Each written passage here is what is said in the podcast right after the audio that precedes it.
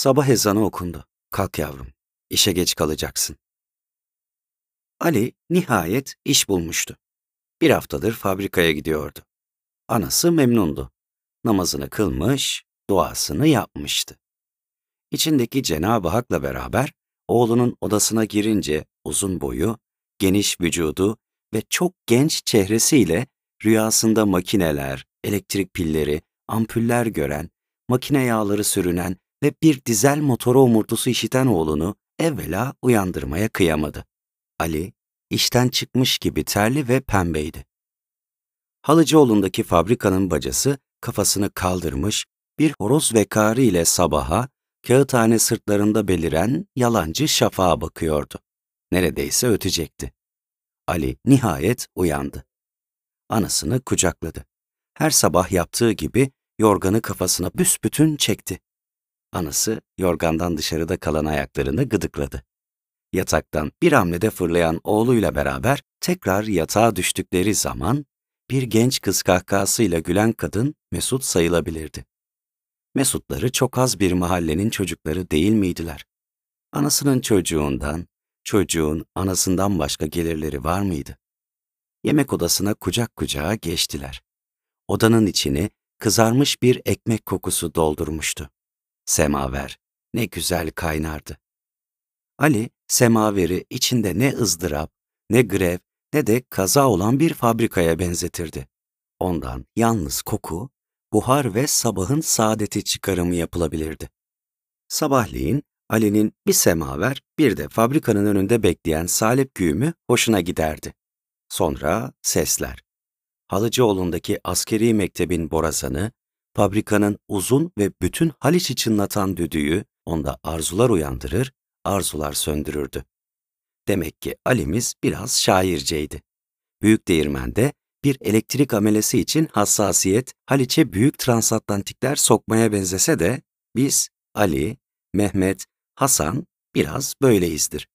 Hepimizin gönlünde bir aslan yatar. Ali annesinin elini öptü. Sonra şekerli bir şey yemiş gibi dudaklarını yaladı. Annesi gülüyordu. O annesini her öpüşte böyle bir defa yalanmayı adet edinmişti. Evin küçük bahçesindeki saksıların içinde fesleğenler vardı. Ali birkaç fesleğen yaprağını parmaklarıyla ezerek avuçlarını koklaya koklaya uzaklaştı. Sabah serin, Haliç sisliydi. Arkadaşlarını sandal iskelesinde buldu. Hepsi de dinç delikanlılardı. Beş kişi Halıcıoğlu'na geçtiler. Ali bütün gün zevkle, hırsla, iştiyakla çalışacak fakat arkadaşlarından üstün görünmek istemeden. Onun için dürüst, gösterişsiz işleyecek. Yoksa işinin fiyakasını da öğrenmiştir. Onun ustası İstanbul'daki iyi bir elektrikçiydi. Bir Almandı, Ali'yi çok severdi. İşinin dalaveresini, numarasını da öğretmişti.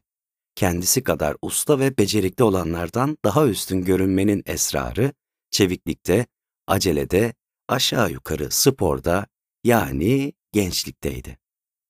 Akşama arkadaşlarına yeni bir dost, yeni bir kafadar, ustalarına sağlam bir işçi kazandırdığına emin ve memnun evine döndü. Anasını kucakladıktan sonra karşı kahveye, arkadaşlarının yanına koştu. Bir pişti oynadılar. Bir heyecanlı tavla partisi seyretti onu. Sonra evinin yolunu tuttu. Anası yatsı namazını kılıyordu. Her zaman yaptığı gibi anacığının önüne çömeldi. Seccadenin üzerinde taklalar attı. Dilini çıkardı. Nihayet kadını güldürmeye muvaffak olduğu zaman kadıncağız selam vermek üzereydi. Anası, Ali be, günah be yavrum dedi. Günah yavrucuğum yapma. Ali, Allah affeder ana dedi. Sonra saf, masum sordu. Allah hiç gülmez mi? Yemekten sonra Ali bir Ned Pinkerton romanı okumaya daldı. Anası ona bir kazak örüyordu. Sonra yükün içinden lavanta çiçeği kokan şilteler serip yattılar. Anası sabah namazı okunurken Ali'yi uyandırdı. Kızarmış ekmek kokan odada semaver ne güzel kaynardı. Ali semaveri içinde ne ızdırap, ne grev, ne de patron olan bir fabrikaya benzetirdi. Onda yalnız koku, buhar ve sabahın saadeti istihsal edilirdi. Ali'nin annesine ölüm, bir misafir, bir başörtülü, namazında niyazında bir komşu hanım gelir gibi geldi.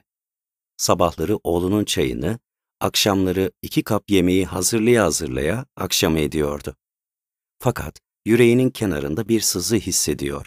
Buruşuk ve tülbent kokan vücudunda akşamüstleri merdivenleri hızlı hızlı çıktığı zaman bir kesiklik, bir ter, bir yumuşaklık duyuyordu.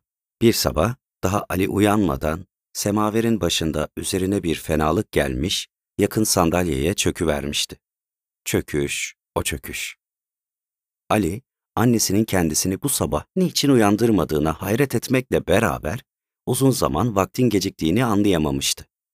Fabrikanın düdüğü camların içinden tizliğini, can koparıcılığını terk etmiş ve bir sünger içinden geçmiş gibi yumuşak kulaklarına geldi. Fırladı. Yemek odasının kapısında durdu. Masaya elleri dayalı, uyuklar gibi vaziyetteki ölüyü seyretti. Onu uyuyor sanıyordu. Ağır ağır yürüdü. Omuzlarından tuttu. Dudaklarını soğumaya başlamış yanaklara sürdüğü zaman ürperdi. Ölümün karşısında ne yapsak muvaffak olmuş bir aktörden farkımız olmayacak. O kadar. Muvaffak olmuş bir aktör. Sarıldı. Onu kendi yatağına götürdü. Yorganı üstlerine çekti. Soğumaya başlayan vücudu ısıtmaya çalıştı. Vücudunu, hayatiyetini bu soğuk insana aşılamaya uğraştı. Sonra aciz onu köşe minderinin üzerine attı. Bütün arzusuna rağmen o gün ağlayamadı. Gözleri yandı, yandı. Bir damla yaş çıkaramadı. Aynaya baktı. En büyük kederin karşısında. Bir gece uykusuz kalmış insan çehresinden başka bir çehre almak kabil olmayacak mıydı? Ali birdenbire zayıflamak, birdenbire saçlarını ağarmış görmek, birdenbire belinde müthiş bir ağrı ile iki kat vermek, hemen yüz yaşına girmiş kadar ihtiyarlamak istiyordu. Sonra ölüye bir daha baktı. Hiç de korkunç değildi. Bilakis çehre eskisi kadar müşfik, eskisi kadar mülayimdi. Ölünün yarı kapalı gözlerini metin bir elle kapadı. Sokağa fırladı. Komşu ihtiyar hanıma haber verdi. Komşular koşa koşa eve geldiler. O fabrikaya yollandı. Yolda kayıkla giderken ölüme alışmış gibiydi. Yan yana, kucak kucağa, aynı yorganın içinde yatmışlardı. Ölüm, Munis anasına girdiği gibi onun bütün hassasiyetini, şefkatini, yumuşaklığını almıştı. Yalnız biraz soğuktu. Ölüm, bildiğimiz kadar korkunç bir şey değildi. Yalnız biraz soğuktu o kadar. Ali günlerce evin boş odalarında gezindi. Gece ışık yakmadan oturdu. Geceyi dinledi. Anasını düşündü. Fakat ağlayamadı. Bir sabah yemek odasında karşı karşıya geldiler. O, yemek masasının muşambası üzerinde sakin ve parlaktı. Güneş, sarı pirinç maddenin üzerinde dona kalmıştı. Onu kulplarından tutarak gözlerinin göremeyeceği bir yere koydu. Kendisi bir sandalyeye çöktü. Bol bol, sessiz bir yağmur gibi ağladı ve o evde o bir daha kaynamadı. Bundan sonra Ali'nin hayatına bir salep güğümü girer. Kış, Haliç etrafında İstanbul'dakinden daha sert, daha sisli olur. Bozuk kaldırımların üzerinde buz tutmuş çamur parçalarını kırarak erkenden işe gidenler, mektep hocaları, celepler ve kasaplar fabrikanın önünde bir müddet dinlenirler. Kocaman bir duvara sırtını vererek üstüne zencefil ve tarçın serpilmiş salep içerlerdi. Yün eldivenlerin içinde saklı, kıymettar elleri, salep fincanını kucaklayan, burunları nezneli, kafaları grevli, ızdıraplı, pirinç bir semaver gibi tüten sarışın ameleler, mektep hocaları, celepler, kasaplar ve bazen fakir mektep talebeleri kocaman fabrika duvarına sırtını verirler, üstüne rüyalarının mabadi serpilmiş salepten yudum yudum içerlerdi.